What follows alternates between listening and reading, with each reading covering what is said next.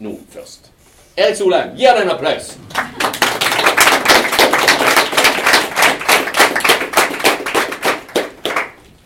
Når man starter med å dra hele bistandshistorien, så det er viktig å huske at vi er i en helt fundamentalt forskjellig situasjon nå fra hva man var da Marshallhjelpen kom på 50-tallet, eller John F. Kennedy etablerte fredskorpset, eller man startet med Norad i Norge.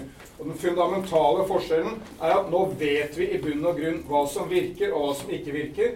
Det hadde man ikke peiling på da. Det var på et tidspunkt hvor bare USA, Japan, Europa hadde utviklet seg. Men nå har vi et vell erfaringer fra alle kontinenter, fra veldig mange land, på hva som gir god utvikling, og hva som ikke gir det. Det er en helt fundamentalt forskjellig situasjon fra det tidligere. Og eh, mesteparten av jorda har hatt kolossal framgang, og folk vet ikke, men særlig er de siste to tiårene som har gitt framgang. Det var veldig ujevn og langsom framgang fra på 50-, 60-, 70- og 80-tallet. Men de to siste tiårene har vært en kolossal framgangsepoke i jordas historie uten noen sammenligning. Mest vellykkede to tiårene det, i denne klodens historie. Stikk i strid med hva man får inntrykk av gjennom media. Glem alt det. Det er redusert på disse to tiårene ekstrem fattigdom i verden med to tredjedeler. Mye mer enn noen annen epoke. Barnedødeligheten er drastisk redusert. Antall barn som går på skole, er enormt mye høyere. Nesten 90% av alle barn på kloden er vaksinert mot alle de store, viktige sykdommene. Da jeg ble født, var polio en sykdom av betydning i Norge. På 1980-tallet var det 100 000 av poliotilfeller i India. Eh, nå er polio bare av alle land på kloden i Pakistan og Afghanistan, bare for å gi et eksempel. I tillegg til alt dette mye mindre vold og krig i verden enn på noe annet tidspunkt. Stikk i strid hva de fleste av oss tror. Jeg skal bruke tid på å begrunne det etterpå hvis noen er uenig i, i, dette. Så vi vet hva som virker. Og veldig enkelt sagt så er det ikke overraskende bunn og grunn samme oppskriften som virker i Kina, i India, i Afrika, som først virket i Manchester i 1780-årene, som så virket i Europa, som så virket i USA, som så virket eh, i eh, Japan. Nemlig du må ha en sterk stat den staten må sette rammene for markedet, den må omfordele de ressursene som kommer, men du klarer deg ikke uten en sterk stat som bidrar til fred. Du er det heller ikke uten en markedsbasert økonomi, fordi en markedsbasert økonomi fordeler ressursene på en mye mer effektiv måte og sørger for at man får den økonomiske framgangen som ligger i investering og reinvestering for et profittmotiv. Og for det tredje, du klarer deg ikke uten en massiv satsing på utdanning og Det er gode grunner til å, å, si at det er lurt å satse på utdanning først, og vente med en del av de andre tingene som helse, som selvfølgelig er kjempeviktig. Og det har vært mye større framgang i verden på helse enn på utdanning siste par tiårene. Men de landene som virkelig har gjort det sånn, de har satset massivt på utdanning. Øst-Asia er nå langt foran noe annen del av verden når det gjelder utdanning. Langt foran Europa, langt foran USA, og selvfølgelig milevidt foran Afrika eller Midtøsten når det gjelder utvikling alle de topp skårerne når det gjelder utdanning i sammenligning i verden, er i Øst-Asia. Ok, Så det er altså en ny situasjon fordi vi begynner å vet hva som virker, og vi vet hva som ikke virker. Og vi vet at bistand er en liten, det er en liten økonomisk eh, eh, overføringsmekanisme. Den er viktig, den kan brukes for spesielle formål, men private investeringer er mye større størrelsesorden 150 milliarder dollar i samlet bistand i verden i fjor eller i år. 20 000 milliarder i samlet investering i verden. Så 20 000 versus 150 milliarder. Alle skjønner at private investeringer har en helt annen kraft til å bidra til utvikling og, og gjøre dem grønnere og få dem mer til fattigste land er mye viktigere enn små detaljer i bistandsdebatten. Skatt er også mye viktigere enn bistand. Stikk i strid med hva de fleste av oss snakker. Vi snakker som om det er UNICEF, UNESCO og Norge som bidrar til utdanning i verden. Ikke glem, glem dette. 99% 99% av all utdanning, ikke de rike landene, men i utviklingslandene, betales av skattebetalerne i de landene eller av foreldre og familie selv. Så det vi kan bidra med, er ting som er strategiske, som kanskje gir overføring av kunnskap. Men det er altså skattebetalerne som bidrar til at barn blir utdannet. Selvsagt i Kina og selvsagt i Brasil, men også i stor grad i Malawi og Tanzania og på Madagaskar. Så dette er, sånn som jeg ser det, bakgrunnen for hvis vi ikke forstår dette store bildet, så får vi ikke noen meningsfylt debatt om eh, hvordan pengene kan brukes. Og det er politikken, ikke pengene, som driver verden. Ikke noen måte å kaste penger etter et land på virker virkelig hvis landet er på fundamental gal politikk. Så det trenger begrunnelse for dette. Se de stedene på jorda hvor to land er nærmest hverandre og likest hverandre, men med helt forskjellig utvikling.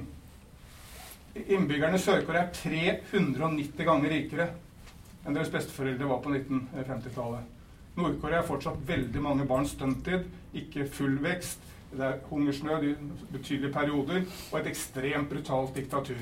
Men det er jo samme folk, samme religion. Det er ikke at det er mindre arbeid, arbeidsomme i nord. Det er bare ett land som i bunn og grunn har fått politikken riktig, og et som fikk det til helt galt. Dominikansk republikk og Haiti. Det er sju ganger rikere per innbygger enn Dominikansk republikk. Tillegg er det 40% tredekke. På Haiti er det altså en sjuendedel av inntekten og ingen der. Hva er forskjellen? Den dominikanske republikk hadde rimelig fremadskuende diktatorer, som i tillegg var miljøbevisste, noen av dem. Mens Haiti hadde de dummeste og mest korrupte diktatorer av noen land man kan tenke seg. Så det er forskjell på politikk. ikke igjen. Det For 100 år siden var Haiti mye bedre stilt enn Dominikansk republikk. Sånn kunne jeg fortsette. Hvordan skal så norsk bistand plasseres inn i dette? Den debatten vi ikke trenger, etter min mening, er som det er lagt opp til her, er hvor skal det kuttes ned? Glem det. Dere kommer aldri til å bli enige. Jeg prøvde f.eks. å rekke opp hånda da jeg var utviklingsminister og si at kanskje er det sånn at tropisk landbruk ikke er det området hvor Norge kan aller mest. Jeg ble høvlet ned, for det betydde at jeg ikke var interessert i folk som sultet, ikke var interessert i landbruk. Selvsagt ikke min hensikt var bare å si at kanskje noen andre land er bedre på det. Og hvis vi prøver å kutte de 50 landene Norge minst bistand til, så kutter vi kanskje 150 millioner kroner. Det det faktisk betyr, er at studentenes innsats i Bolivia går bort. Misjonskvinnenes innsats fra Setesdalen til Ecuador går bort. Så vi kutter mange av de tingene som forankrer bistanden i det norske folk. Det som gjør at det er folkelig oppslutning om det. Det som gjør at folk sitter land og strand rundt og faktisk er litt interessert i det. Så gevinsten ved denne rasjonaliseringen som man tar til orde for, er veldig liten. Faren er veldig stor. Så jeg mener, glem diskusjonen om hvor du skal kutte ned. Overlat den til Børge Brende og andre. Dere vil aldri bli enige her med Sivilsamfunnet Norge klarer aldri å bli enige om dette allikevel. Derimot er det selvfølgelig viktig å diskutere om det er riktig å kutte 4 milliarder kroner på bistandsbudsjettet i en situasjon hvor vi trenger mer bistand til verdens fattige. En sterkere FN. Det er lov å kutte bistandsbudsjettet for Afrika og bruke det på hjemlige flyktningmottak. Det er i tråd med reglene, men det er regler som ble satt på et tidspunkt eh, hvor dette var et helt marginalt problem. I 2013 var gjennomsnittet 3,7% 3,7% av OECD-landets bistand gikk til mottak av flyktninger hjemme. Et håndterbart problem. Nå er det altså uh, helt andre dimensjoner. Det vil få vesentlige konsekvenser for FNs evne til å bidra til fred i verden, og vesentlige konsekvenser for de aller fattigste i Afrika, som bistanden jo opprinnelig skulle gå til. Så dette store bildet er det viktig å diskutere, men jeg tror ikke det kommer noen vei å diskutere hvert enkelt eh, småtiltak. Hvor kan så Norge bidra mest? Min mening er at vi bidrar mest der hvor vi enten tar initiativ til eller og leder an i, eller iallfall er deltakere i det vi kan kalle globale koalisjoner for handling. Eh, det er lederskap som driver verden, ikke penger. Det er riktig politikk som driver verden, ikke penger. Du må bruke bistandsbudsjettet, for du trenger penger for å gjøre en god del ting, til å bygge denne typen koalisjoner eh, for vesentlig fornuftig handling. Eksempler. Eh, regjeringen har tatt initiativ til å satse vesentlig mer på utdanning innenfor uh, bistanden etter min mening et utmerket initiativ. Men det vil ikke ha noen poeng, det vil ikke få noen virkelig global betydning med mindre man snevrer dette inn til en vesentlig handlingsrettet koalisjon. Det det burde være, etter min oppfatning, er en koalisjon for bedre lærere. For det er det som er problemet med verdens utdanning. Det er jo ikke at barn ikke kommer inn på skole. Nest, bortsett fra i krigssonene kommer nesten alle barn inn på skole. Nær alle. Det er ingen forskjell mellom gutter og jenter heller, sånn som de fleste tror. Det er ikke sånn at å bygge doer til jenter er det viktigste tiltaket, som vi hører av og til. Gutter og jenter begynner nå, bortsett fra Afghanistan, nær på samme måte i nær alle land. Og de har nær like lang utdanning i nær alle land. Det store problemet er kvaliteten på utdanning er kolossalt lav mange steder. F.eks. For fordi lærerne tjener mer på å kjøre taxi eh, eller å undervise noen få privatelever enn på å drive sin normale eh, undervisning. Og fordi kvaliteten på lærerne i utgangspunktet er veldig veldig lav. Hvis vi sprer oss ut på alle ting, vil vi bidra lite.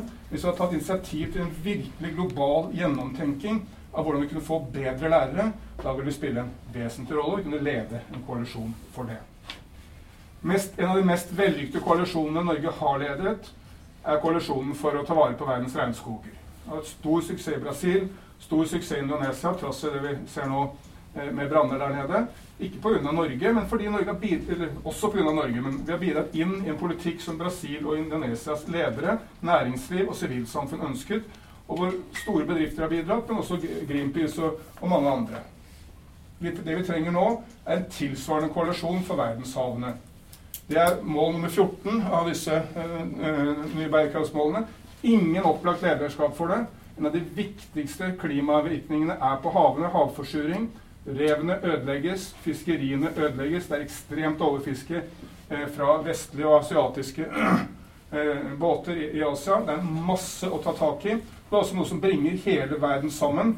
For denne koalisjonen kan ikke ledes av de fattigste landene, men også ledes av John Kerry, som for øvrig er veldig engasjert i temaet, av Canada, av Norge, av Japan, av land som har ressurser eh, til å lede. Hvis Norge rakk opp hånda og sa vi er beredt til å lede dette sammen med dere, så vil vi egentlig kunne spille en tilsvarende rolle som vi har spilt på regnskog. Så må vi bruke oljefondet. Det er ikke bistand.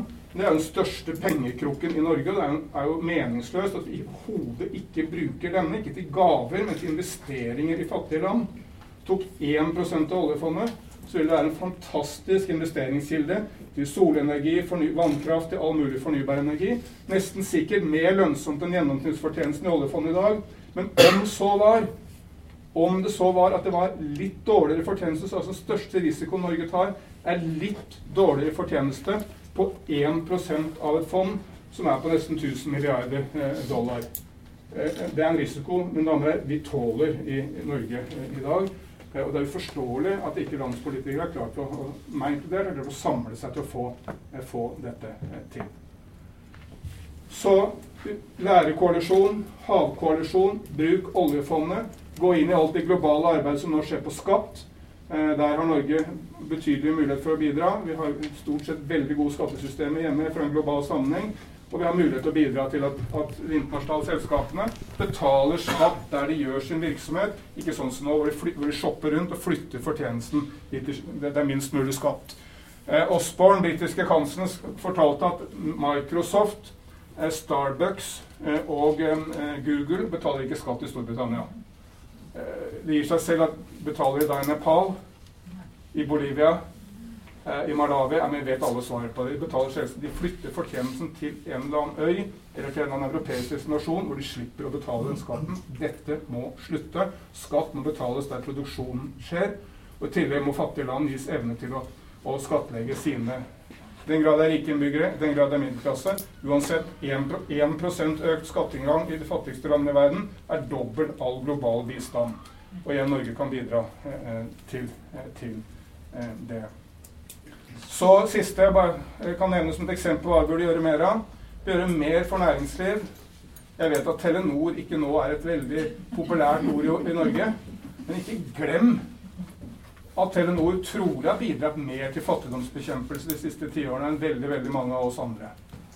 Veldig få norske bidrag har samme betydning som at Telenor har spredt mobiltelefoner til nær alle i Bangladesh, i Pakistan, i Myanmar pengeoverføringer, små beløp. Du kan nå gå inn i en kiosk i Pakistan, overføre 50 kroner til bestemor via telenettet. Eh, tidligere som, En som overførte små beløp, sto bakerst i køen, kom aldri fram. Det var alltid en rikere person som kom raskere fram. Og tillegg, hvis du skulle overføre 50 kroner, så var selvfølgelig så beløpet så lite at alt ville gå bort til, til um, gebyrer osv. Så, videre. så spredning av denne teknologien gjør folk mektigere, gir dem større evne til å håndtere sin egen hverdag, gjør det lettere å starte bedrifter og har en kolossal effekt på å utvikle eh, mange land. Eh, og vi bør anerkjenne det. Og norsk bistand kan i større grad brukes til å hjelpe norsk næringsliv og internasjonalt næringsliv til å investere mer i de fattigste landene og få også mer ut av pengene. Så for å oppsummere, la oss konsentrere debatten om hvor, hvor Norge har et eget bidrag, hvor vi kan lede noe det er der vi kan spille den største rollen i verden.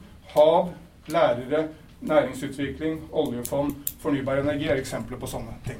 Takk. Godt. Erik?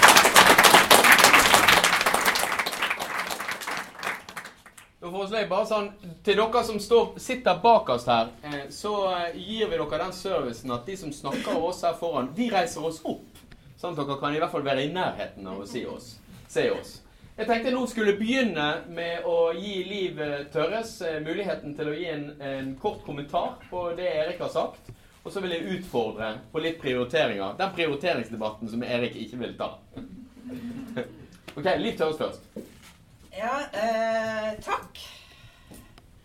Og så er jeg jo fristet til å si at da blir vel Eller spørre om eh, det da Altså det er vel ikke sånn at du har tenkt til å utfordre meg på da å kutte ut temaer når Erik Solheim ikke blir utfordret på det. Men jeg tror jo det er en viktig diskusjon å ha, da, sånn at vi kan komme tilbake til den etter hvert. Jeg har lyst til å begynne med eh, Eriks fokus på hva det er som skaper utvikling. Det er veldig mye jeg er enig med Erik i.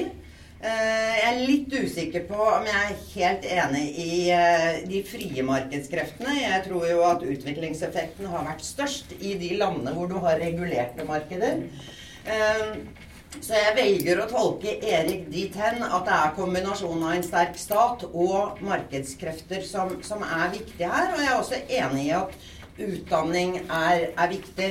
Men jeg mener jo at Erik mangler et punkt i den lista om hva som er viktig for å skape utvikling, og hva Norge har et genuint eget bidrag på og kompetanse på. Vi har nemlig bygd en velferdsstat og eh, en rikdom i dette landet som ja er basert på eh, flaks og oljeinntekter.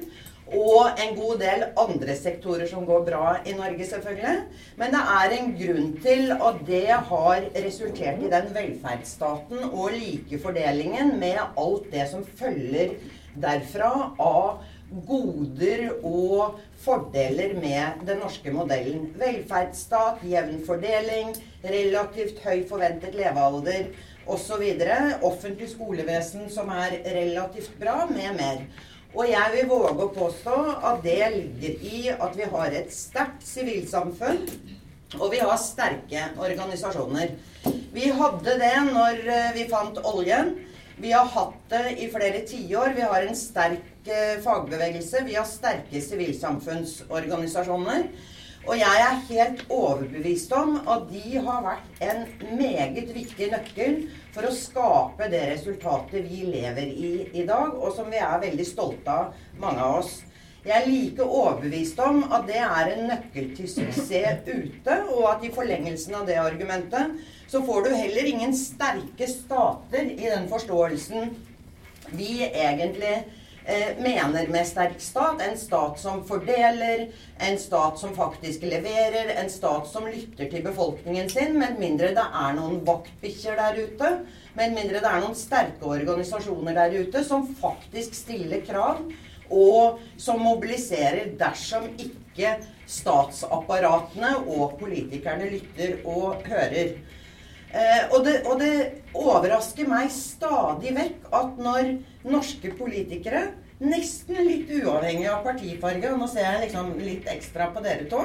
Um, klarer å overse det når man beveger seg ut i den store verden og skal tenke utviklingspolitikk. Og vi har hatt disse diskusjonene før, Heikki, om hva det er som er liksom Hvem er den beste garantisten for å sørge for at det blir en relativt lik fordeling i land? Jo, det er sterke sivilsamfunn. Og da må man faktisk tenke demokratibygging og utvikling nedenfra og opp. Og jeg snakker ikke da primært om bitte små NGO-er. Jeg snakker om å bygge organisasjoner med medlemmer som faktisk representerer folk. Og da er jeg jo også nødt til å legge til at det er ufattelig for meg. Jeg er helt overbevist om at 99% av de som sitter i dette rommet, er enig. I hvert fall 90% Men det er jo helt ufattelig for meg at man klarer altså å legge fram en tilleggspropp fra regjeringens side som raserer nettopp det som er de viktigste, den viktigste byggesteinen i demokrati. For det er nemlig ikke de politiske elitene som sitter på toppen. Det er folk, og det er folkelige bevegelser.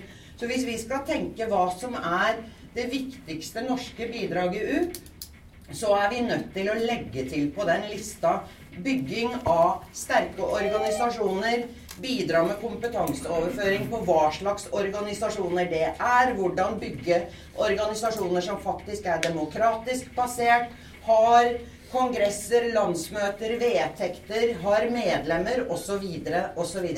Det er et kjempeviktig tillegg når det gjelder den norske verktøykassa. Og da snakker jeg om kvinnebevegelse, jeg snakker om fagbevegelse, jeg snakker om urfolksorganisasjoner, sterke miljøorganisasjoner.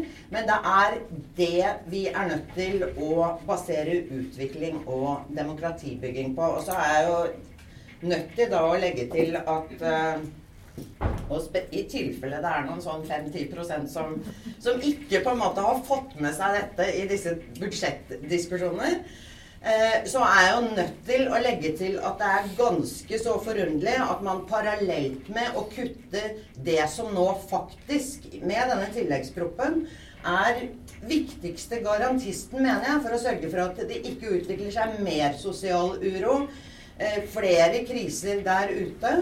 Eh, med å kutte de, med tilleggsproppen, så klarer man altså samtidig å kutte eller rasere det som viser seg å være i henhold til det vi har av evalueringer, rimelig god dokumentasjon på, den mest vellykka eh, kanalen for norsk bistand.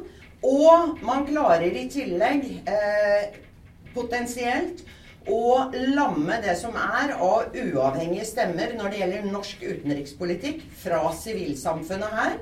Og man vil klare samtidig punkt nummer fire å faktisk eh, rive hva heter det, grunnen under eh, det som har vært styrken i norsk utenrikspolitikk, engasjementspolitikken, ved at vi nettopp har hatt utviklingsforskere, miljøer, frivillige organisasjoner som man kan bygge allianser og nettverk med. Telle opp Guatemala, Sri Lanka, Oslo-kanalen, Sør-Sudan. De, dette har vært norske kanaler basert på et bredt samarbeid med frivillige organisasjoner og forskningskrefter. Hvem, vi ha, hvem har vi igjen hvis vi skal fortsette på det sporet vi er nå? Ja, det kan noen andre svare på. Takk. Takk.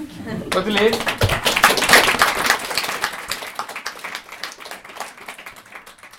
Andrew Preston. Takk. Føler meg som flyvert i en uh, um, Ja. Um, vi fikk som oppfordring å snakke litt om prioriteringer opp og prioriteringer ned. Og jeg skjønner fullstendig at Erik ikke vil egentlig snakke om det. Jeg å ta, jeg er enig, enig med ham om det, men jeg ønsker å ta litt annet utgangspunkt. Uh, ikke så lenge siden så kom uh, FN sammen, FNs generalforsamling, og vedtok disse nye bærekraftsmålene. 17 nye bærekraftsmål. Det er, mange, det er, mye som kan sies om disse målene. Ja, de dekker mange forskjellige områder. Men for første gang siden Earth Summit i 1992 så har vi fått på plass et veikart for framtiden som faktisk dekker alle de tre ulike pilarene i bærekraftig utvikling. Det har kommet etter en lang prosess, en av de mest inkluderende prosesser i FNs historie, som har vart i tre år. Mange av oss i Norge har vært med på denne prosessen. Og de målene, selv om det er noen mange av de målene som ikke er helt perfekte, så er de gode mål, stort sett. Og det er noe å jobbe, jobbe etter. Og så, Derfor er det ikke nå vi skal begynne å plukke ut om det er helse vi skal jobbe med, eller utdanning, eller fred, eller hva. Vi må ha en helhetlig tilnærming til disse spørsmålene framover. Men selvfølgelig, så vi kan ikke alt, så vi må finne en måte å gjøre det Og som de bruker, uttrykk som de bruker i matsikkerhets, uh, matsikkerhetsbransjen, er 'more and better'. Vi må jobbe med alle disse målene. Det er mye som vi skal jobbe med, men vi skal gjøre det på en bedre måte. Og som Erik sa, så er det egentlig den største, den største jobben vi kan gjøre som, i, som Norge, er, som Erik sa, jobbe på de store internasjonale utviklingspolitiske prosessene. Det er der vi kan gjerne prioritere opp innsatsen. Og vi så dessverre med, med FNs bærekraftsmål at egentlig innsatsen fra Norge, fra norske myndigheter, var ikke egentlig så bra. Vi var blant organisasjoner som, som ba om at myndighetene skulle ha sterkere prioritering av det arbeidet som skjedde etter forhandlingene. Det kom ikke helt på plass, men likevel så klarte vi å komme i mål. Men Erik har snakket om kapitalflukt. Ja, for hver 10 cent som går inn i utviklingsland, så går 93 cent ut igjen som kapitalflukt. Det er, selv om, man, eh, selv om uh, utenriksministeren i dag sier om at uh, det er veldig bra at utviklingslandet utviklingsland har blitt mindre avhengig av bistand, så er det likevel en del av et mye større bilde hvor veldig mye penger går ut av utviklingsland. Og det er noe som vi kan faktisk bidra til å endre gjennom å være en sterk aktør, en sterk pådriver i disse internasjonale fora. På, I Addis Ababa i Etiopia i juli så var det en viktig internasjonal konferanse, Financing for Development 3, som var en del av det arbeidet som skjedde opp mot de nye bærekraftsmålene. Og da, Der ble man enige om veldig mange viktige tiltak, men dessverre så kom vi ikke langt nok i forhold til kapitalflukt og hvordan vi skal få plass en internasjonal skatteorgan. Så der er det mye å gjøre. Handelsregler Nå er det snart i Nairobi uh, ministermøte i eh, WTO. Der sliter vi fortsatt med mange utdaterte og urettferdige handelsregler som gjør vi uh, f.eks. et utfall av dette. F.eks. i 2014 så hadde Norge med handel med Luxembourg med en halv million borgere enn vi hadde med 35 minst utviklede land i Afrika. Det er mange rare ting som skjer når man har et internasjonalt rammevilkår som er urettferdig, noen ganger utdaterte, og må fikses. Og disse tingene kan vi fikse sammen med med utviklingsland og andre interesserte parter. Så her er det en innsats vi kan gjøre. Det er mange andre, mange andre eksempler som jeg kan gi, men jeg begrenser meg til de to foreløpig. Det er den største innsatsen. Og bistand bistand er som sagt er viktig, men det er en liten del av alt som kan gjøres. Og hvis vi skal, Jeg vet du kan bli utfordret på hva vi kan gjøre med bistandsbudsjettet. Men hvis det er tre ting som, i hvert fall tre-fire ting som vi kom på for første, når det gjelder bistandsbudsjettet, så må, vi, um, så må vi huske at dette er en liten del av bildet.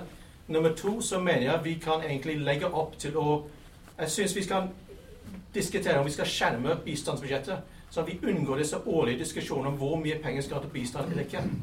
Det er helt unødvendig. 0,7% av FNs mål. Vi er langt over det. Uh, men Storbritannia var det første land i verden som faktisk lovfestet en uh, bistandsbudsjett med 0,7 av GNI. Kanskje vi kan gjøre det samme i Norge. Lovfeste 1 av GNI til bistand, og slutt å bruke så mye tid på å diskutere hvor mye bistand, hvor, eller hvor mye statsbudsjettet vi skal bruke på utviklingsformål hvert år. Og så heller fokusere på hva vi bruker disse pengene til.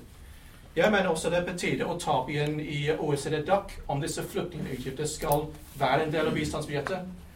Det, det, var som sagt ikke alltid sånn. Disse reglene kom så vidt jeg husker, i, 19, i slutten av 80-tallet. Og til og med etter de, etter de, reglene kom inn, så var det flere krefter i OECD DAC som prøvde å få flyktningutgifter ut, uh, ut av bistand. Storbritannia, Finland, uh, Sveits og et, et, par andre land var med på å prøve å omgjøre den regelen i 2001. Det var den siste gang vi hadde en uh, ordentlig debatt om dette. Og OECDs uh, sekretariatet i OECD har hele tida, vet ikke hvorfor det er fortsatt slik, men de har sagt ganske konsekvent over lang tid at å ha flyktningutgifter i eget land som en del av bistand undergraver hele konseptet med bistand. Det er en ganske sterk uttalelse. Og hvis det gjelder fortsatt, så synes jeg vet ikke om det er Norge som styrer, for Norge og de andre nordiske landene tradisjonelt hatt en høy del av bistand som har gått på flyktningutgifter. Men kanskje det er på tide å ta den diskusjonen opp igjen og prøve å få det ut. Og igjen ha en egen post um, til flyktningutgifter. Ellers er det um, Vi må se på hva, hva i bistandsbudsjettet faktisk bidrar til utviklingseffekter. Jeg jobber med sivilsamfunn. Jeg vet at vi er en av de mest gjennomevaluerte sektorer i, uh, i norsk uh, offentlig liv. Og det er mange av oss som har erfaring med dårlige prosjekter. Men det er mange som også erfarer med gode prosjekter. Det er begge deler. Og sånn er det i alle bransjer.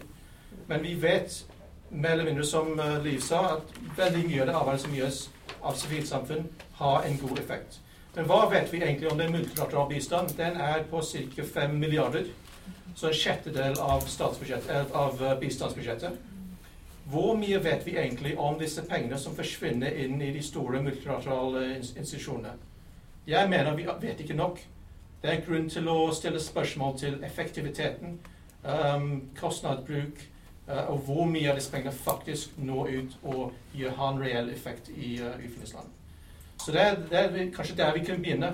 Uh, ta en gjennomgang ikke bare av sivilsamfunnsbistand uh, og bilateral som er også godt evaluert, men også de andre deler av bistandsbudsjettet som er kanskje mindre kjent. Og kanskje med, med, på den måten kan vi redusere og omprioritere. Takk skal du ha.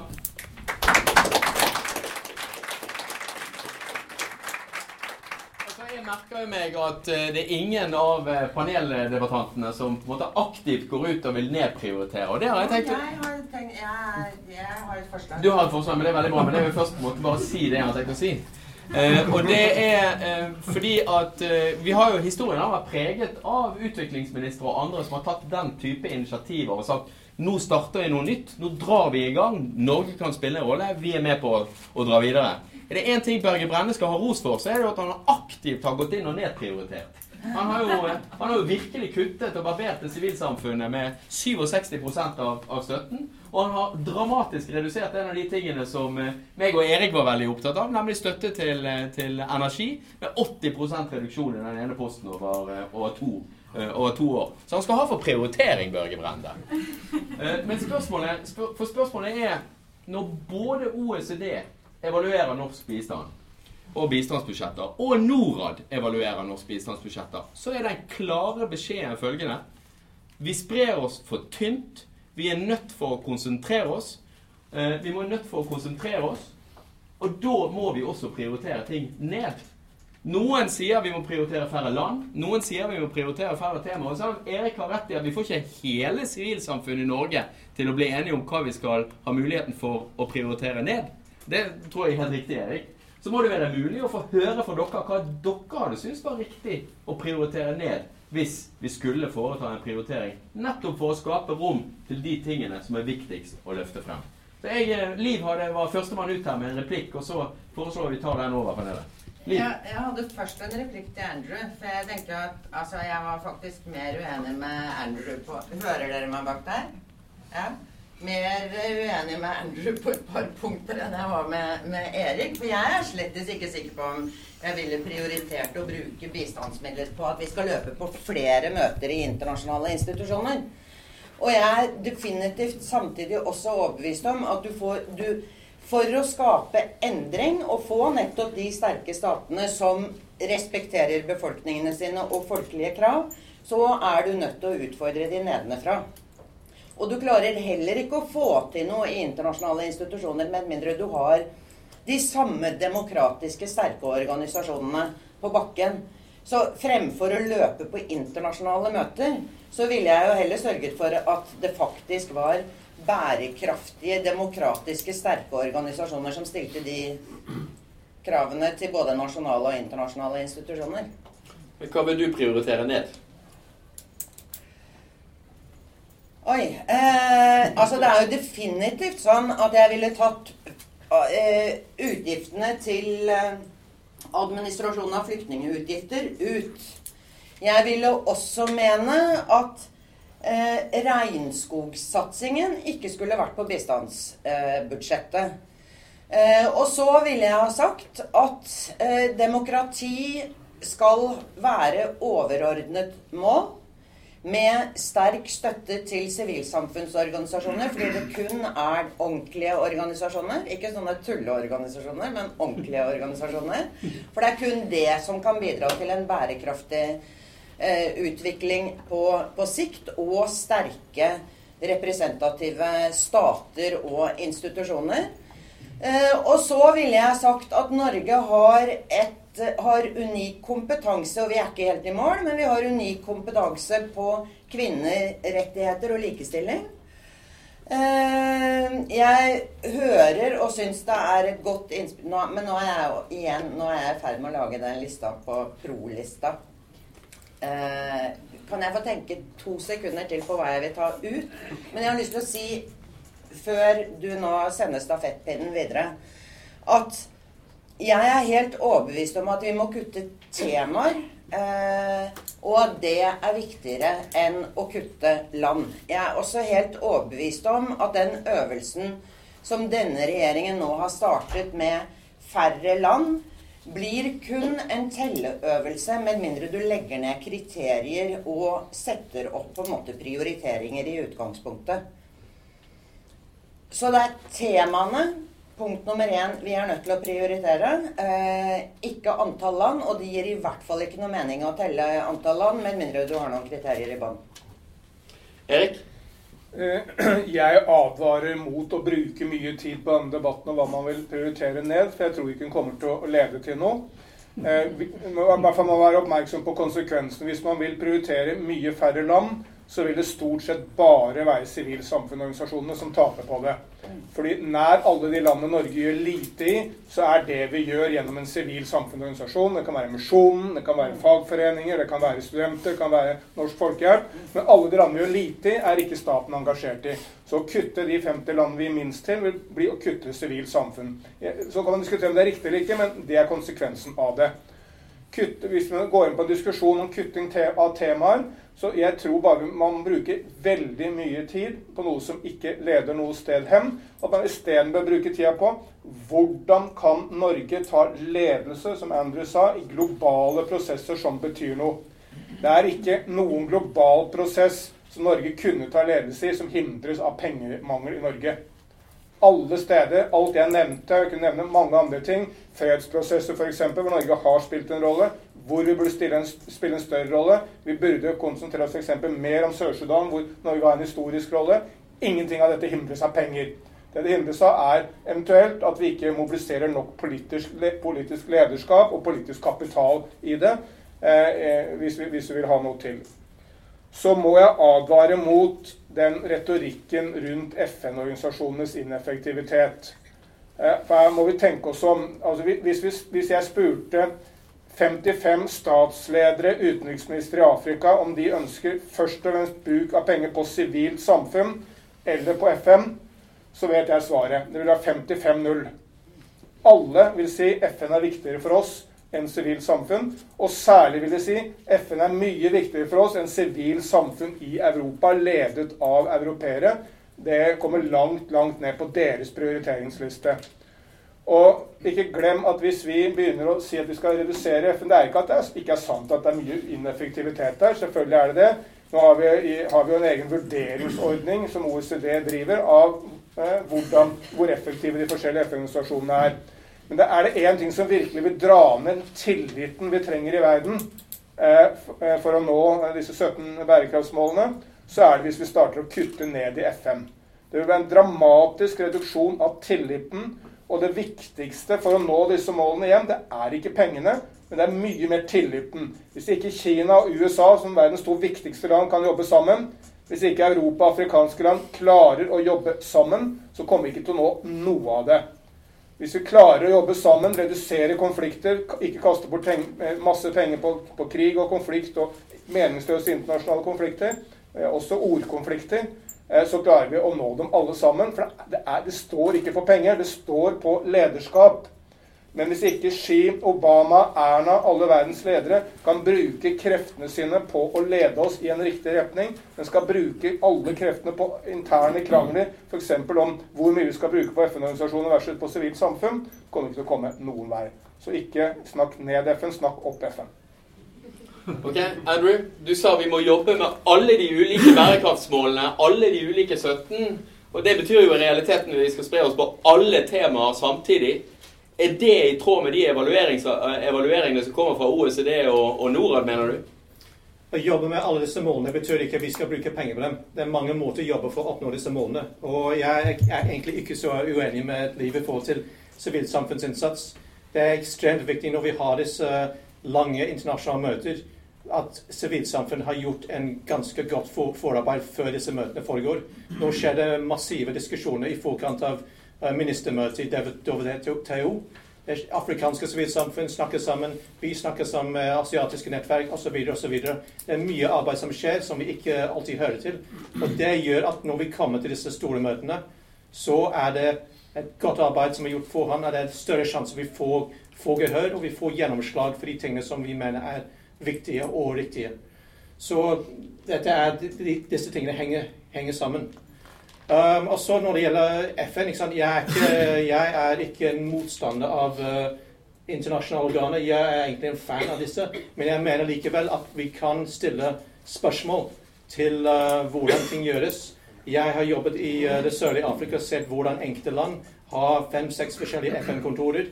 At folk kjører rundt med sine biler og tjener relativt uh, gode lønn sammenlignet med mange andre, særlig lokal, lokalbefolkningen. Sånne type spørsmål må vi, må vi tørre å stille. Men det, det, er ikke det samme å snakke ned FN. FN gjør en verdifull innsats, men de, vi, må, vi, må, passe på at vi gjør mer og gjør det bedre. Um, når det gjelder å sånn det, Vi er tilbake til hvordan vi skal redusere hva skal vi redusere i bistandsbudsjettet. Uh, jeg egentlig, som sagt, ønsker ikke å snakke om hva vi men tenke litt mer, ha en litt annen tilnærming. Tenke på hvor kan, hvor kan vi gjøre ting bedre. Som sagt, vi trenger ikke å bruke penger på alle disse ulike temaene. Jeg vil ikke, jeg vil ikke velge bort temaer. Uh, jeg synes det er egentlig helt feil å begynne å prøve å gjøre det når vi har som sagt fått på plass disse 17, uh, 17 mål som er universelle, og som uh, støtter opp under bærekraftig utvikling.